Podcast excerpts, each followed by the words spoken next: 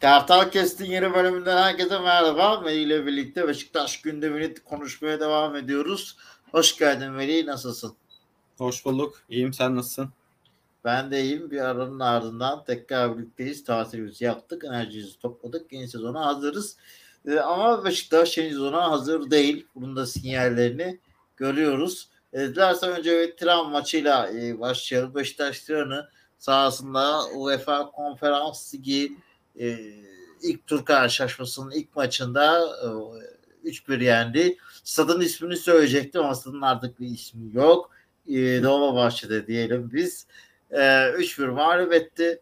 E, kadroya baktığımda bu kadar rahat bir karşılaşma ben beklemiyordum. Açık konuşayım. E, ben Beşiktaş'ın böyle saçma bir gol yiyip turu sıkıntıya maçı sıkıntıya sokacağını düşünüyordum. Maçın başında da kuzenimle izledik maçı. Dedim Beşiktaş şu maçı zor kazanır. Hani ben öyle bir şey beklemiyorum. Ama goller beni bir şaşırttı açık söylemek gerekirse. Hem Onur Bulut'un golü hem e, keza Black'ın ikinci golü derken ama beklediğim gibi Beşiktaş o golü geç yedi. Geç de olsa yedi. Ben daha erken beklerken. Son bölüm sıkıntılı geçerken bir anda genç seviye çıktı. Şarkadan taştan çıkardı. Üçü buldu. Yani çok başla konuşacak bir şey var mı? Beşiktaş aynı eski kadrosuyla çıktı. Ee, yarın transferlerden bir tek Onanu'yu görebildik e, maçın son bölümlerinde. Ee, çok farklı bir şey yoktu yaşadığında. Bilmiyorum ne söyleyeceksin. Ee, klasik Şarap Güneş'in geçen son bıraktığı yerden devam etmeye çalışan ama sezon öncesi hımbıllığını ve e, kulübesini güçlendiremeyen bir takım. Yani sana tam olarak katılmıyorum çünkü Şenol Güneş'in bıraktığı yerde bile değil şu an kadro. Değil, yani. Redmond gitti, Saiz gitti, Tayyip Talha sakat. Yani Gezal yine sakat. Gezal yine sakat. Yani zaten kadro e, geniş değildi. Bir de üstüne gidenler oldu. Hala gelenler yeterli değil. E, yeterli pozisyonlarda da yok. Yeterli nitelikte de yok. Ama ben de açıkçası senin gibi biraz zorlanabileceğini ta- tahmin ediyordum, düşünüyordum Beşiktaş'ın ama hiç öyle olmadı. Hoca çok iyi çok iyi hazırlamış takımı. Hacı Ahmetoviç de maçtan sonra açıklama yaptı. Birkaç tane plan üzerinde çalışıyorduk. Bu da bunlardan biriydi diye.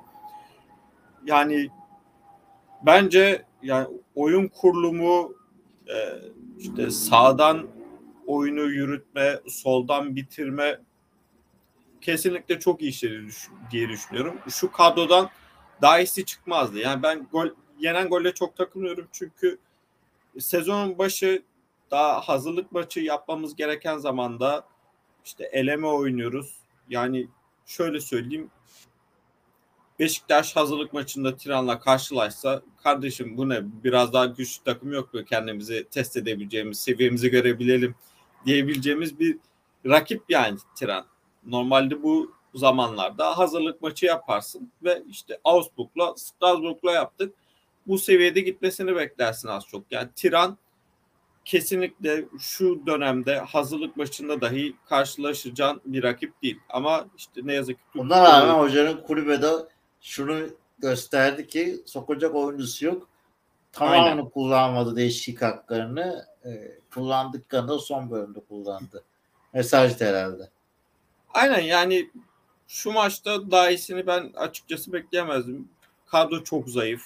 Yaratıcı oyuncu eksikliği o kadar göze çarpıyor ki yani şu maçta mesela ortadan hiç hiç ilerleyemedik. Yani bir delici pas, bir anahtar pas, bir hat kıran pas tek yapan oyuncu Abu Bakar'dı. O da asist oldu. O da bir tane yaptı. Yani Rose ve Masuaku'nun performansını ben çok beğendim. Bilmiyorum katılır mısın? Ve kanatta çok iyi kullandılar. Yani Muleka'nın içeri girmesi, Onur'un merkeze kaymasıyla iyi işledi onlar. Aynen yani hoca çok iyi kurgulamış. Amir'in işte üçüncü bir sağ stoper gibi gelmesiyle birlikte e, hem bekleri tamamen ileri hücuma göndererek genişliği sağlamış hem de rakibin de karşılama pozisyonu tamamen e, farklı bir yöne çekmiş. Bütün yani, rakibin tüm dengesini bozdu diyebilirim Amir'in geri gelmesi. Jetson'da biraz farklı bir rolde gördük. Daha derinde oyun kurucu şekliyle delici dribbling yapan değil de Böyle de olunca 3 artı 2 işte kenarlarda da genişliği hoca beklerle sağlamış. Onlar da çok iyi işledi. Rozier sürekli gitti geldi. Masuaku'nun da teknik kalitesiyle birlikte zaten asist oldu. Belki bu oyun sistemi devam eder farklı şekillerde ya da Amir'in dediği gibi başka oyun stilleri de görebiliriz. Tabii biraz transferlerle de alakalı. Yani transferlere geçmeden istersen rövanş maçına dair varsa bir öngörü onu da alayım. Yani bu maç özelinde ben şapkamı hocaya çıkarırım. Gelecek maçta kolay geçer diye düşünüyorum. Hemen hemen bu seviyede geçer. Takımın e, temposu biraz daha iyi olur. Kondisyonu biraz daha iyi olur. Bu maçın üstüne koyabilir diye düşünüyorum. Belki farklı bir şeyler deneyebilir. Belki e, daha genç oyunculara daha erken e, bir zamanda şans verebilir, süre verebilir. Bu maç iyi iyi bir denemeydi bence. Yeni, yenilen gole rağmen. Çünkü dediğim gibi kondisyon eksikliği var, tempo eksikliği var. O, oyun e, daha henüz tam oturmamış durumda. İkinci yarıda çok normal buluyorum. İkinci maçta bence daha az olacaktır. Daha sağlam bir maç bekliyorum Beşiktaş'tan. O zaman direkt e, diğer gündeme geçelim. Çünkü Beşiktaş'ın gündemi yoğun. E, direkten dönen transferleri çok oldu.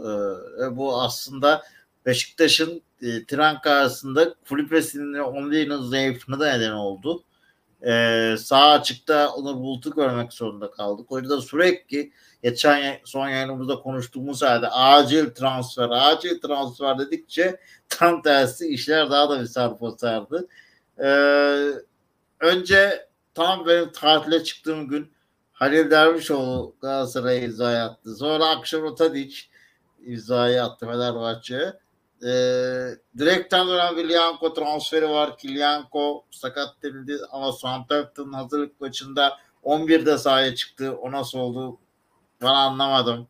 Ee, böyle Pereira'dan hala haber bekliyor Beşiktaş. Ee, herhalde bir iki hafta daha bekleyecek mi ne durumda bilmiyoruz. Ee, Redmond 45 gün oyalayıp Burnley'e imza attı. Yani helal olsun. Ne düşünüyorsun bu direkten dönenler hakkında? Bir de yetmedi. Gidenler de e, arkadan konuşuyor. Roman Sais gibi e, Arabistan'a gitti konuşuyor orada. Evet ne yazık ki. İstersen önce Halil'le Tadiş'ten başlayalım. Yani Halil seninle son yaptığımız programda da ben gelmesin demiştim. Yani bu şekilde gelmemesi hoşuma gitmedi ama ben pek açıkçası pek sevmem böyle konuşmayı ama yani az çok da buralara girmek gerekiyor. Oyuncunun karakteri açısından da ben biraz hayırlı olduğunu düşünüyorum. şey yapabilirsin yani Galatasaray'a gitmek isteyebilirsin. Bunda hiçbir sakınca yok. Bir önceki senenin şampiyonu. Daha projesi sana daha uygundur. Galatasaraylısında birçok sebep Bildiğim bir camia. Galatasaray'a gitmek isteyebilirsin. Bunu Beşiktaş'a da söyleyebilirsin. Beşiktaş'a direkt olarak yani ben benim önceliğim Galatasaray. Onlardan teklif gelirse ben öncelikle Galatasaray'ı düşüneceğim ama sizinle de masaya oturabiliriz diyebilirsin. Hadi en son aşama olarak yani Beşiktaş'la anlaşmışındır ama Galatasaray'dan teklif gelmiştir. Yani kalbine söz geçiremezsin. Yine Galatasaray'ın teklifini kabul edersin ama kardeşim yani anlaşmışın imzalar atılacak telefonlara bile çıkmıyorsun. Ya böyle şey olmaz ki. Bari bir bilgi ver. Ya bu kadar olmaz. Bu etik değil. Ya karakterden kastım bu. Tamamen bu yani. Bu son derece ne insani açıdan ne de profesyonel açıdan doğru bir davranış değil. Tamamen yanlış bir davranış. Bundan sonra Halil başarılı olur olmaz. Beni hiç ilgilendirmiyor. Ama yani yaptığı o kadar yani o kadar etik dışı ve o kadar saygısızca bir hareket ki ben Kesinlikle. tekrar şükrettim Beşiktaş'a gelmediğine. tekrar ediyorum. Bu Beşiktaş yönetimine çok büyük bir eksi yazar. Orası ayrı. Yani ben oyuncunun oradaki eksileri neye bağlıyorsun? Fazla böbülenip e, fazla bilgi sızdırılmasından basına yoksa hiç, iş, hiç, hiç, hiç, hiç, hiç, iş, bitiril, yok abi. iş bitirilmezcilik mi? Nedir? Tamamen yönetim beceriksizliğidir. Yönetim başarısızlığıdır. Bir haber her türlü şeye düşebilir. Ee, sosyal medyada yok, düşebilir. Haber düşürse sıkıntı yok. Habere yayılmasında. İşte haberi de onlar yaydı şimdi. Aynen. Onu diyorum yani yöneticilerin yayması mı yoksa işi bitirememesi mi sorun yoksa muhabirlere suç bulamayız zaten. İşi o adam. Yok abi ne muhabirle ne haber yaymakla hiçbir alakası yok. Tamamen iş bitirememek. Ya bunun lamıcımı yok. Aynısı Tadiç'te oldu. Aynısı Halil'de oldu. Yani bu bunun herhangi bir açıklaması da yok. Bu tamamen beceriksizlik. Yani bu bundan sonra çıkıp da işte şu oyuncu aslında bizim listemizde yoktu, önceliğimiz değildi falan filan açıklamaları da ayrı bir rezalet. İnsanları salak yerine koymayın. Biz yani geri zekalı değiliz. Böyle davranılmayı da hak etmiyoruz. Az çok herkes Ve hala bir sürü yıldız isim gelecek. Merak etmeyin. Transferler kampa yetişecek. Maçtan önce yetişecek dendi. Onlar da yani yetişmedi. Hiç yetişmedi. Bir Onana'yla Amarty geldi. O da Onlar da zaten onunla... gelmek için kucak açıp bekliyorlardı yani. yani tamamen yönetime eksi yazar. Ya Redmond'u bekledi bu kulüp 45 gün ya. Ya inanamıyorum gerçekten. Redmond'u bak yok. hatırlarsın ben sana dedim. Yani Championship'ten çıkan bir kulüp mutlaka Redmond'a gider. Redmond'la da biz uğraşmayalım. Redmond daha düşük bir teklife gider dedim. Mutlaka yani Beşiktaş'ın teklifi 1.82 civarı deniliyordu en son muhtemelen çok da ağzına gitmiştir. 500 bin euro, 1, 1 milyon euro arası bir şey oynayacak. Abi 45 gün bekleyemezsin bir adam ya. 2 hafta süre verirsin maksimum. Ve Bak bunu, olur hareket edersin ya. Bunu hoca da dedi. Bir yerden sonra oyuncunun az çok e, ne olacağı belli diye. Aynısını Pereira'da yaşıyoruz şu an. Yani Aynısı tabii. Adama kaç haftadır şey var, e, teklif var. Sürekli olarak görüşüyorlar, ikna etmeye çalışıyorlar. E, kardeşim ya lafa gelince sizden büyüğü yok. Beşiktaş Türkiye'nin en büyük kulübü dersin. Bir oyuncuyu ikna etmek için sürekli görüşme yaparsın. Madem bu kadar büyüksün oyuncuyu ikna etmezsin. Oyuncu kendi gelmek ister. Yani hem ortaya bir laf atıyorsun hem de altını hiçbir şekilde dolduramıyorsun. Ya Pereira dünya yıldızı falan da değil öyle.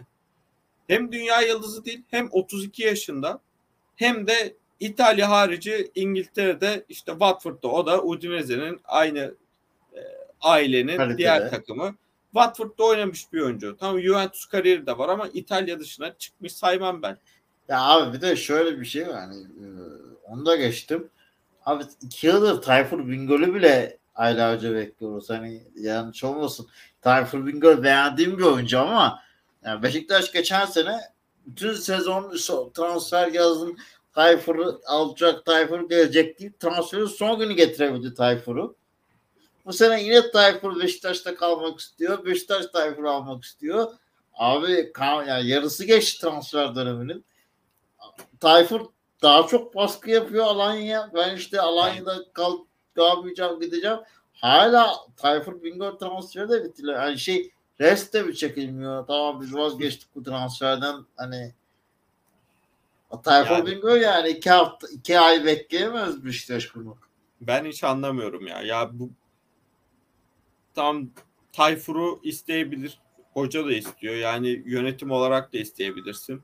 Ya ben ama de abi, isterim. Ama yani bu vaktiyle ayarlayırsın bu ben işi. Ben de isterim. Ama dediğin gibi hem ya bu, bu iş bu kadar uzun sürmez. Yani saygısızlık da olmasın ama Tayfur'un da şeyi belli ya kariyeri belli, oyuncu potansiyeli belli, yaşı, yaşı belli. belli. Yani hem vereceğin para hem bu kadar sürümcemede kalması e bir de üstüne ya bir biraz da altyapıya yönelelim. Allah aşkına yani Semih yani Tayfur geldikçe Semih'in oynama süresi çok daha azalacak. Bu orta sahada olsa da aynı şey geçer. Demir Ege'nin oynama süresi azalacak. Ya bu kadar da bulunmaz Hint kumaşı biraz tamam as oyuncuları alalım ama yani Tayfur'a... Abi gelsin ya yedek sol bekimiz yok Allah aşkına. Yani Umut Beraş'ın o zaman Umut Beraş'ın trafik kazasını gördün değil mi? Nasıl kaza yaptığını. Gördüm.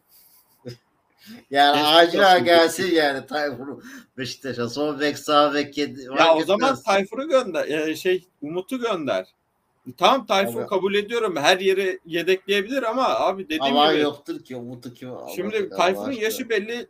Alanya'nın istediği para belli. Tayfur'un alacağı para belli. Yani bu bu iş bu kadar uzamaz. Beşiktaş yani cidden bu iş bu kadar uzamaz. Hoca isteyebilir ama yani hoca da dersin ki hocam talepleri bunlar. Biz bunları karşılayabilecek durumda değiliz. Yani Tadiç'e vermediğimiz paranın bir kısmını Tayfur'a veremeyiz. Ya, Altyapıda hoca da istemez zaten şartlar bu olacaksa. Bak Halil konusunda tavrını net ortaya koydu. Gelmiyorsa gelmesin bizi oyalamazsın dedi. Daha önce. Redmond'da da aynısını dedi. Yani Ya bence Tayfur'da da der hoca. Yani bu ona hocadan kaynaklı değil bence. Bizimkiler Yok hocadan kesinlikle kaynaklı. biraz Yani demek gelsin. Hoca biraz Halil'e orada taş atmıştı. İşte sen Beşiktaş'ın ismini kullanırsan, arkadan dolanırsan kötü olur falan filan diye. Sürecin uzamasının da hoşuna gitmemişti ama Tayfur'da öyle bir şey yok. Tayfur en azından tamamen Beşiktaş'ı istiyor. Yani adamın Tabii. en büyük hayali Beşiktaş. Sorun yok.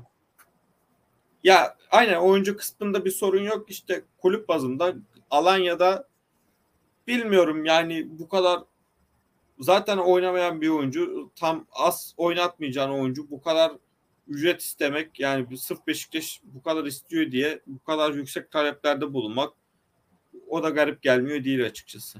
Değil mi? Lianco'ya ne diyorsun? Ondan sonra da diğer gündeme geçelim istersen. Lianco'yu da alayım. Lianco'yu hoca çok istiyordu. Açıkçası ben de istiyordum. Yani Ben de. iyi stoperdi. Türkiye'de bir de özellikle Şenol Güneş tedrisatında yani cuk oturuyordu. Hocanın sistemine cuk oturuyordu. Tam istediği profildi. Kesici, sert, varını yoğunu sağda ortaya koyan bir profil. Yani adam Türkiye'ye de geldi. İstanbul'a geldi. Bir yani sağlık mevzusu çıkardılar. Ne kadar doğru bilmiyorum ama. Ertesi gün hazırlık kaçında oynadı kral. Evet öyle bir şey var. Ya ş- olay da şöyleymiş.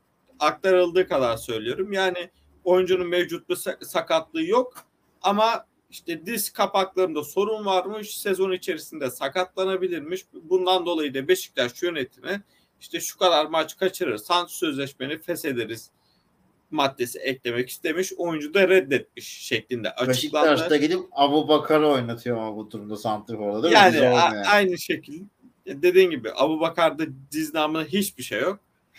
Abu Bakar'a senelik gidip 30 küsur yaşındaki Abu Bakar'a senede 3-3,5 milyon euro veriyorsun. Ama hocanın istediği transferi yani diz kapaklarında sorun var deyip yapmıyorsun. Bu doğru bir davranış olabilirdi. Eğer Şey de çok kötü. Santrafor mesela açıklama yaptı. Yani biz bu e, sağlık raporlarını gönderdik. İstanbul'a gelmeden bunu anlayamadılar mı diye. yani O da ayrı.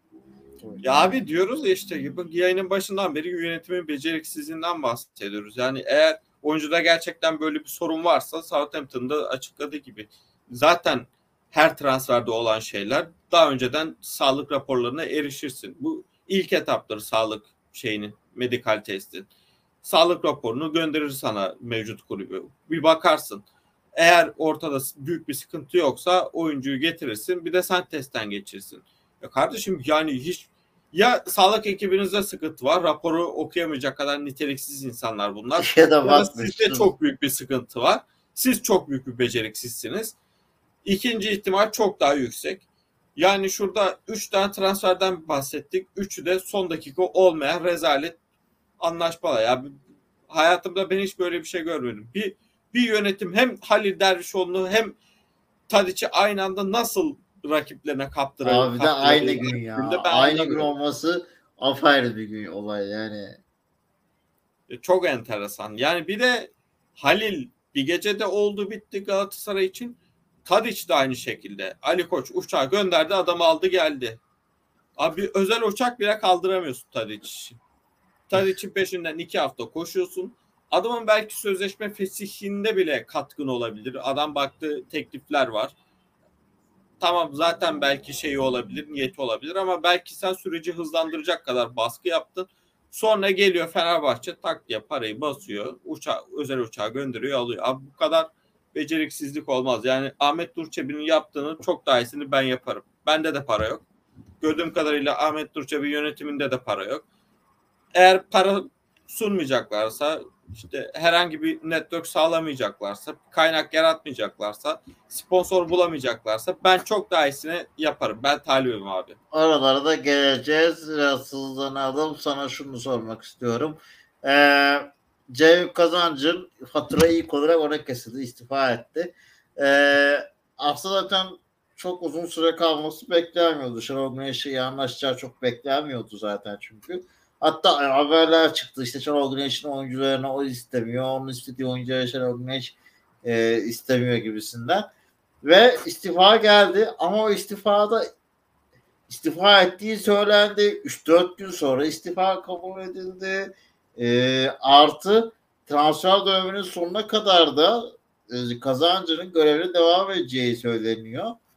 E, yani ne diyorsun bu duruma? Çok merak ediyorum. Yani şu 20 dakikada söylediklerimizin özeti gibi bir Ceyhun kazancı süreci. Şaka gibi. Yani Sayıs'ın açıklamasında görmüşsündür. Sportif direktör 6 ayda 2 defa istifa etti şeklinde. Bu kadar ciddiyetsiz bir yer işte burası. E, kurum olarak söylemiyorum. Tabii ki Beşiktaş'a hiçbir lafım yok. Ama içindekiler, Yönetim. mevcut yönetimdekiler bu kadar basiretsiz, bu kadar beceriksiz insanlar. Yani Ceyhun kazancının herhangi sportif bir katkısı, başarısı söz konusu bile değilken takımın başına sportif direktör olarak gelmesi ayrı bir olay. Defalarca istifa edip bunların kabul edilmemesi, en son istifasının birkaç gün sonra kabul edilmesi ve buna rağmen sezon baş, başlayana kadar transferlerde etkili olacak dışarıdan diye bir haber çıkması şaka gibi olay. Yani neresinden tutmaya çalışırsan çalış tamamen tutarsız, tamamen saçmalık. Yani şurada eleştirmekten yoruldum açıkçası ya. ya bu kadar sabahtan beri yani yönetimin beceriksizliklerini, saçmalıklarını eleştiriyoruz. Daha da eleştirecek çok konu var. O zaman diğer konulara gelelim. Ee, bu da güzel konular. Ee, Amarty, Onana Örevic Beşiktaş'a geldiler. Zaten Amarty çok bekleniyordu. Biz aylardan beri konuşuyorduk. Amarty neyse ki başka takımlara talip olmadı. Ee, Beşiktaş transferi bitirdi. Ee, Onana da Beşiktaş'a gelmeyi çok istiyordu. O da imzayı attı. En son sırada Antarevic var. Antarevic İstanbul'a geldi. Ee, Beşiktaş'ta 7 numarayı giyeceğini açıkladı. Sen bu 3 transferi nasıl yorumluyorsun? Ee, Beşiktaş'a katkıları ne olur? Ee, merakla bekliyorum. Yani Revic konusunda benim bir tek sakatlıkla ilgili ciddi şüphelerim var. Son yıllarda ciddi bir sakatlıkları yüzünden e, formsuz. E, ilk ilklerinde veremiyor. E, ama tabii sağlam bir Revic. E, ligin tozuna attırır. Ama artıyı da görmek için sabırsızlanıyorum ben. Onana'dan başlayayım. Yani yönetim bu kadar para yok para yok diye ortalıkta dolanırken Tadiç'e çıkarıp 500 bin euro 1 milyon euro daha fazla veremezken oynaması ilk 11 oynaması kesin olmayan bir oyuncuya gidip 4 milyon vermeleri çok garibime gitti. Yani bu da anlam veremediğim bir transfer oldu. Onana'nın niteliklerine, oyuncu kalitesine hiçbir şey demiyorum. Yani normal şartlarda Avrupa'da bir takım transfer yapsa 7-8 verse Onana'ya yadırgamam. Ama bu kadar parasızlıktan yakınıp işte biz çok e, bütçemize göre hareket edeceğiz deyip Onana'ya dediğim gibi oynaması garanti olmayan bir oyuncuya 4 milyon vermek garip açıkçası. Ben yani ben Onana'yı direkt ilk 11'e yazamıyorum mesela. Yani Amir'i kolay kolay kesemiyorum hiçbir şekilde. E, Türk statüsünden Salih giriyor. Hadi beklerden falan bir ayarlama yapsan ne bileyim yani yine de Ya konferans ligine hocam iki tane altı numarada çıkmak istiyor. Belli oldu yani konferans ligi başlarına. Nasıl yani sınırı yok deyip. Gibi, farklı sistemler işte bir şekilde ya bana rotasyonda olacak gibi geliyor. Atıyorum yani 45 maça çıktı Beşiktaş bu sezon. 25'inde ilk 11'i başlayabilir ama 45 maçın 25'ine ilk 11 başlayacak bir oyuncuya 4 milyon verilmez. Beşiktaş'ın bütçesi doğrultusunda. Tabii ki bilmiyorum. Belki yani 45 maçın sağlıklı olursa 40'ına ilk 11 çıkar. Bilmiyorum. Ben şu an tamamen farazi konuşuyorum.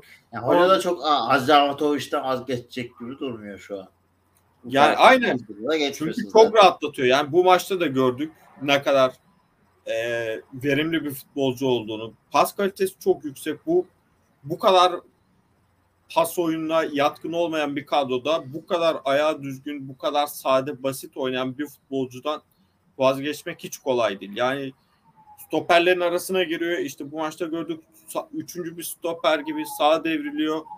Geri geliyor. ileride de oynatabiliyorsun. Yani Amir'den kolay kolay vazgeçeceğini düşünmüyorum. Belki Onana Amir yapabilir zaman zaman özellikle deplasmanlarda. Belki olabilir. Amartey'de de Amartey ben hiçbir zaman şey olarak düşünmedim. Yani direkt 11'e yazacağım. Çok garanti bir stoper olarak görmedim. Belki Lianco on, Amartey olabilir diyordum. Ama Lianco da olmadı. Hocanın istediği profil kesinlikle. Hem altı hem stoper oynayabilen hem de sağ bek de oynayabiliyor. Üçlüde de oynayabiliyor. Bu bakımdan hocanın istediği profil kesinlikle Amartey. Ama Amartey de işte garanti stoper olacak mı bilmiyoruz. Yani şu bakımdan fayda sağlayabilir. İşte Amir de açıkladı. Bu maçta da gördük. Farklı sistemler deneyebilir hoca. O sistemler içerisinde oyun içi rotasyonda üç, maçı üçlü başlamasa da oyun içi rotasyonda üçlü oynayacağı bir denklemde Amarty üçlünün ortasında ya da sağında mükemmel işler. Kusursuz işler. Ya yani yanına kimi koyarsan koy. O bakımdan Amarty çok doğru olur. Ama e, farklı bir sistemde oynayacaksa normal bildiğin e, direkt tandem olarak herhangi bir üçlü üçlüye dön dönecek bir formasyonda değil de direkt geride ikili olacak şekilde oynarsa yanına en azından yani Amarty as olsa da Koli olmaz diye düşünüyorum. Yanına daha garanti, daha dengeli bir oyuncu olmalı gerekir diye düşünüyorum. Hatta farklı bir e, profilde olabilir. Yani Koli'nin biraz daha el ayağı düzgün, daha sakar olmayan bir profili daha kesici nitelikte olabilir Amarty ile birlikte. Rebic de dediğin gibi sakatlıktan çok çekti. İlk iki sezonu aslında hiç fena değildi. İlk sezonda çift tane yaptı diye hatırlıyorum golde. Ki çoğu maça da yani yedekten girip yapmıştı. Hatta ilk sezonun sonlarına doğru da az oynamaya başlayıp bayağı bir performansı yükseltmişti. İkinci sezon da fena değildi. Biraz dalgalıydı ama ondan sonra tamamen sakatlıklarla boğuştu. Bilmiyorum. O yüzden dediğim gibi yani sakatlıklar biraz göz korkutuyor ama sağlıklı kalabilirse e, hücumun her yerinde oynayabilir diye düşünüyorum. Şöyle bir sıkıntı var.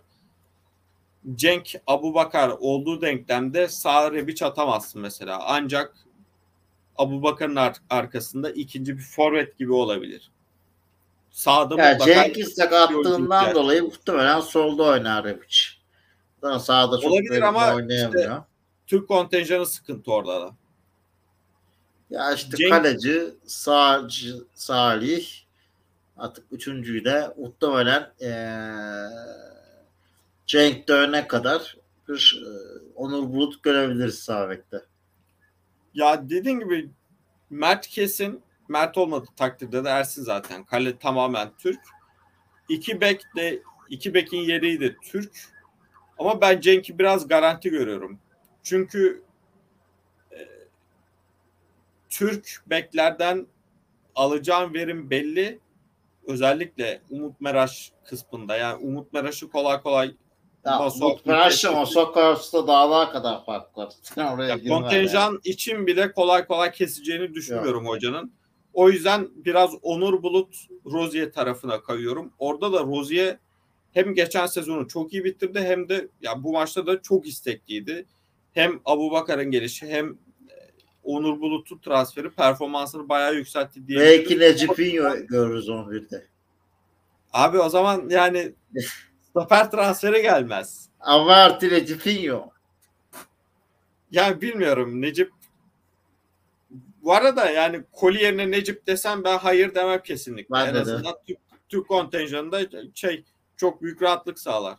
Ama işte iki stoperi de yabancı düşünürsek Amir ya da Onana hatta bazen ikisi de olursa. Abi Gezal'ın durumu da böyle değil. Belki sağ sevi seviye atar ya. Az mı? İlk 11 oyuncusu olarak bu sürekli. Mümkün değil. Yani olmaz mı diyorsun? Mümkün değil abi. Şey olabilir bak Onur Bulut'un bütün sezonu sahillerde geçirme olasılığı bence çok daha yüksek. Tayfur Bingöl'ün ya. Ya ben o yüzden diyorum Cenk'i kolay kolay keseceğini düşünmüyorum çünkü Cenk Mert'le birlikte en garanti performans alacağı Türk ve niteliği düşürmeden yani oyunu yukarıya çekebilecek tek Türk bunlar. Diğer ikisi, diğerleri e, Salih de buna dahil yerine oynayan diğer oyunculardan bir tık geride. E, Salih kimle forma savaşına girecek? Onana'yla çok yüksek ihtimal ya da şey e, Amir'le. Jetson'u kolay kolay keseceğini düşünmüyorum. O yüzden hem Amir e, Amir'i kestiğinde hem e, Rozier'i kesip yerlerine Salih ve Onur Bulut'u aldığında bir tık seviye düşüyor. O yüzden Cenk'i ben banko görüyorum. Belki Rebic işte hem ileride tamamen dönüşümlü farklı farklı maçlara farklı dizilişlerle farklı oyuncu grubuyla çıkar çıkar o zaman iş yapar. Hem de yedek olarak düşünüyorum. Ya bir de şey de tabii hani videoda kıyağını yapmış. Hem Türkçe öğretmiş hem bize destek vermiş. Sağ olsun bir de biraz kötü ayrıldık ama e, yine de sağ ol diyelim. Yani. Da selam gönderelim. E, ek gideceğin son yüze varsa alayım. Sonra son günlerimize geçip hızlı hızlı kapatalım.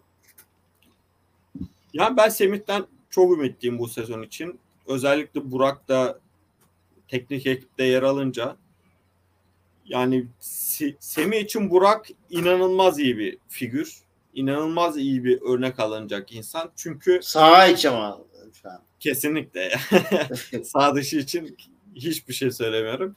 Sağ içi olarak tam Şenol Güneş'in Semih'i evirmek istediği nokta aslında Buran geldiği nokta. Çünkü Burak da kanat olarak başladı. Forvet evrildi. Şenol Güneş tekrar kanata kaydırdı. Sonra tekrar Santifor'a kaydırdı ve Burak hem en iyi performanslarını Şenol Güneş'le verdi hem de her iki e, pozisyonu da en iyi ve ilk olarak Şenol Güneş de verdi en e, üst noktada. Hem sağ kanatta hem sol kanatta hem santifor. Yani Şenol Güneş de Semih'e e, hem kanat hem santifor oynamasını istediğini işte çok daha yönlü olunca e, daha fazla forma şansı bulacağını söylüyor. Semih Burak bu yönden Semih için biçilmiş kaftan yani örnek alınmak için. O zaman direkt son gündemimize geçelim. Ee, Beşiktaş stadında hala ismi yok. Ee, Beşiktaş stadyumu olarak geçiyor. Vodafone sözleşmeyi uzatmayacağını bir sene önce açıklamıştı. Konum olarak harika bir yerde olan Beşiktaş stadyumu, tanınan stadyum. Ee, hala isim sponsoru yok. Gazprom deniyordu. Rusya'daki olaylardan sonra Gazprom dü- haberleri düştü. Geri gibi yerden gitildi. E, siyasilerin araya girmesi, Emiratis diye iddiaları vardı. Sonra onun da e, olmadığı öğrenildi. Beşiktaş stadında şu an ismi yok. Keşke en azından asıl ismi olana kadar İnönü Stadyumu dense. E, ne düşünüyorsun şu an bu durum hakkında? Kısaca yorumunu alayım. Sonra da kapatalım. Yani Gazprom olsa da Avrupa'da zaten Beşiktaş stadyumu olarak anılacak diye haberler çıktı. Ama Gazprom olmayınca zaten herhangi bir değeri de kalmadı haberlerin. Yani yine döndük dolaştık yönetimin beceriksizliğine geldik. Dediğim gibi dünyanın en güzel konumlarından birine sahip bir stat. Şampiyon olunca dünyanın en görkemli kutlamalarından birini yapabilen bir taraftar topluluğu. Yani denizden herhalde herhangi bir spor organizasyonun kutlamasında Beşiktaş'ın işte çekilen denizdeki kutlama fotoğrafı kadar güzel fotoğraf birkaç tane ancak vardır. Yani böyle bir stat Avrupa'ya gideceksin. Şampiyonlar Ligi ya da Avrupa olması önemli değil. Sonuçta konferans ligine gidiyorsun. Burada da e, şey yapacaksın. Sponsorun ismini duyuracaksın. Buna rağmen yani hala bir anlaşmanın olmaması tamamen beceriksizlik. Başka hiçbir şeyle açıklayamam. Ha, benim bir umudum da yok. Yani bak çıkıp 3 senelik yıllık 2 milyon dolardan bir anlaşma yaptık diyebilirler de. Yani hiç de şaşırmam. Oyuncu satamayan bir yönetim, oyuncu transferi yapamayan bir yönetim stat ismini de pekala yapamaz. Yayından önce seninle de konuştuk. Rey'nin anlaşması da bu sezon sonunda bitiyor. Forma sponsoru.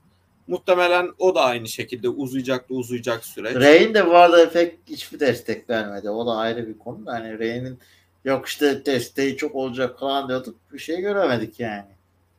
Ya abi bu yönetimin özellikle Ahmet Durçebi'nin zaten Ahmet Durçebi'den başka doğru, doğru düzgün çıkan açıklama yapan kimse de yok. Çıkanlar da zaten mümkünse konuşmasın. Orası da ayrı bir mevzu. Özellikle Emre Koca da kesinlikle açıklama yapmaması gereken bir hiçbir şekilde kamera ve mikrofon gösterilmemesi gereken bir yönetici. Kesinlikle ya abi uzak tutacaksın. Neyse çok da detayına girmek istemiyorum ama Ahmet Nurçebi başta olmak üzere tüm yönetim Beşiktaş tarihinin en kötü yönetimlerinden biri olmak için ellerinden gelen çabayı artlarına koymuyorlar. Yani iki sezon önce Sergen Yalçın'ın son e, Avrupa maçına çıktığı kadroyu gördüm. Böyle bir şey olamaz yani felaket. O kadroyu da bu yönetim yaptı. Bugün transferleri yapamayan da bu yönetim. Yaptıkları tek doğru hareket olarak doğru hareket yok açıkçası. Bir şey de söyleyemem. Bütün transferleri zaten gelecek satıştan payla yapıyorlar. Onu da muhtemelen oyuncu satmamalarına güvenerek yapıyorlar. Yani biz alıyoruz oyuncuyu %50 de pay verdik ama zaten satamayacağız. O yüzden bari bol servisi düşük tutalım, payı yüksek tutalım diyorlardır. Garip ya hiçbir şey beceremeyen, şans eseri Sergen Yalçın'la pandemi döneminde şampiyon olan bir yönetim ya. Bunun haricinde ben bu yönetimin Şenol Güneş'i bir kenara bırakıyorum. Hiçbir şekilde şampiyon olma olasılığı, Avrupa'da bir yere gelme olasılığı yok. Çünkü bu adamların ne bir vizyonu var, ne bir hayali var. Beşiktaş'ta da ne bir istekleri var. Ya iyidir, kötüdür. Hamleleri tartışılır. Şeffaflığı tartışılır. Birçok şey tartışılır ama çıkıp yani Erden Timur diyor ki benim Galatasaray'ı Avrupa'da tekrar şampiyon yapmak gibi bir hayalim var diyor. Ve yönetim tüm transferleri bu buna yönelik yapıyor. Yani gelen isimlere bakıyorsun. E gerçekten buna yönelik isimler. Takım uyumunu falan tamamen kenarda bırakarak söylüyorum. Bu tamamen bir hayal, bir vizyon ve yapılanlar arasındaki uyuma göre konuşuyorum. Icardi geliyor, Zaha geliyor, Zaniolo geliyor, Mertens yedek oturuyor. Yani oyuncu satışından konuşulan rakamlar 20'den aşağı değil Nelson, Boye. Satılır satılmaz ayrı şeyler. Ama takımın geldiği nokta ortada, vizyon ortada. Beşiktaş'a bakıyoruz. Bizim bütçemiz bu kadar deyip ucuz yollu sakat kendi çapında yıldız transferler yapmaya çalışıyor. En sonunda Ahmet Bulut'u resmen gene anahtar oyununa geldik. Anahtarı teslim ettik. Bundan sonra kulüp nasıl ayakta kalacak merak ediyorum. Ben de merak ediyorum. Benim yani bu yönetimden tek isteğim bir an önce görevi bırakmaları. Ya bir Fikret Orman'ın son döneminden daha kötü bir noktaya gidecek gibi duruyor. Fikret Orman en azından Beşiktaş'a bir vizyonla gelmişti ve bir vizyon katarak gitti. Son döneminde yaptıkları çok tartışılır, çok eleştirilir. Ama Fikret Orman döneminde bu takım Avrupa'dan namalup olarak Şampiyonlar Ligi grubundan çıktı. Avrupa'ya birçok oyuncu sattı. Yani Sosa, Bitik Sosa'yı yani mevcut durumunu demiyorum ama Avrupa için bitmiş bir Sosa'ydı. Yani Napoli denemiş, olmamış. Münih denemiş, olmamış. O Sosa'yı o, o yaştaki Sosa'yı, 32 yaşındaki Sosa'yı 7.5 Milan'a sattı. Milan o dönemki transfer stratejisi eleştirilir. Orası ayrı. Ama demek istediğim aldığı oyuncuları her türlü değerlendirip yaşına bakmaksızın daha değerli bir şekilde satabilen bir yönetim, bir vizyonu olan yönetim ve vizyon çerçevesinde bir şeyler başarmış bir yönetim. Yani Lyon maçı Lyon maçındaki o direkler olmasa, o kaçan pozisyonlar olmasa belki şampiyon olamayacaktı Beşiktaş yine ama daha da ileriye gidecekti. Belki finale çıkacaktı. Bunlar belirli bir vizyonla gelip bu vizyon uğruna bir şeyler yapan bir yönetimin eseriydi. Ve o yönetim aynı şekilde Ahmet Nurçebi'yi kovalayarak gönderdi. Yani ben zaten istemiyordum Ahmet Nurçebi'nin hiçbir şekilde gelmesini, başkan olmasını da bir kez daha neden olmaması gerektiğini bence çok açık bir şekilde gösteriyor. dediğim gibi şans eseri alınmış bir şampiyonluk var ortada. Sergen Yalçın'la birlikte. O kadronun kurulumunda hatırlarsın. Yani, Şans eseri demeyelim de olağanüstü emek takım içinde diyelim. yani aynen doğru diyorsun. Şans eseri değil. Çok büyük bir emek var dediğin gibi. Ama yani kurulan kadroyu da hatırla. Fatih Aksoy'a karşılık alınan bir Wellington. işte En Sakala. Böyle oyuncularla yani Arabistan'da gelmiş bir Joseph de Souza. Bak böyle oyuncularla alındı o şampiyonluk. Tam pandemi dönemi. Gerçekten çok olağanüstü bir şampiyonluktu. Ve yine yönetime yazmaz. Tamamen Sergen Yalçın'a ve oyuncu grubuna yazar. Zaten sonrasında biliyoruz işte. Mehmet Topal, Joseph de Souza ikilisiyle çıktı Sergen Yalçın son maçına Avrupa'daki. Yani bu oyuncular 20 20'li yaşlarının sonlarındayken baktığın zaman performansların en zirvesi ol, olarak görülen yaşlarındayken Fenerbahçe'de birlikte oynuyor, oynuyor, oynuyorlar diye yerden yere vuruluyordu Fenerbahçe yönetimi. Bu oyuncular 30 küsürlü yaşlarında Beşiktaş'ta Avrupa maç, maçına çıktılar. Önlerinde de Can, Bo Can Bozdağ vardı. Orta saha bak. Mehmet Topal, Josef de Souza, Can Bozdağ. Bir kanat Kenan Karaman, diğer kanat Larin. yani, yani şu kadroya bakar mısın? Bunu bu yönetim yaptı işte. Ve Şampiyonlar Ligi'nde bu kadroyla oynadı Beşiktaş. Doğru. Ya diyecek pek de bir şey yok. Bu sezon için daha iyisini temenni edelim. Bugünlük bizden bu kadar diyelim. Ağzına sağlık, sağlık geldiğin için. Ben Ee, teşekkür ederim. Biraz kafa şişirmiş olabilirim. Çok konuştum ama Dertliyiz o kadar- diyelim efendim. Ee, Evet, çok Sizin dertliyiz o sesiniz oğlum diyelim. affola. Ee, ağzına sağlık. Efendim bugünlük bizden bu kadar. Bizi beğendiyseniz destek olmayı, abone olmayı, yorum yapmayı, paylaşmayı, beğenmeyi unutmayın. Bir sonraki bölümde görüşünceye dek hoşçakalın. Hoşçakalın.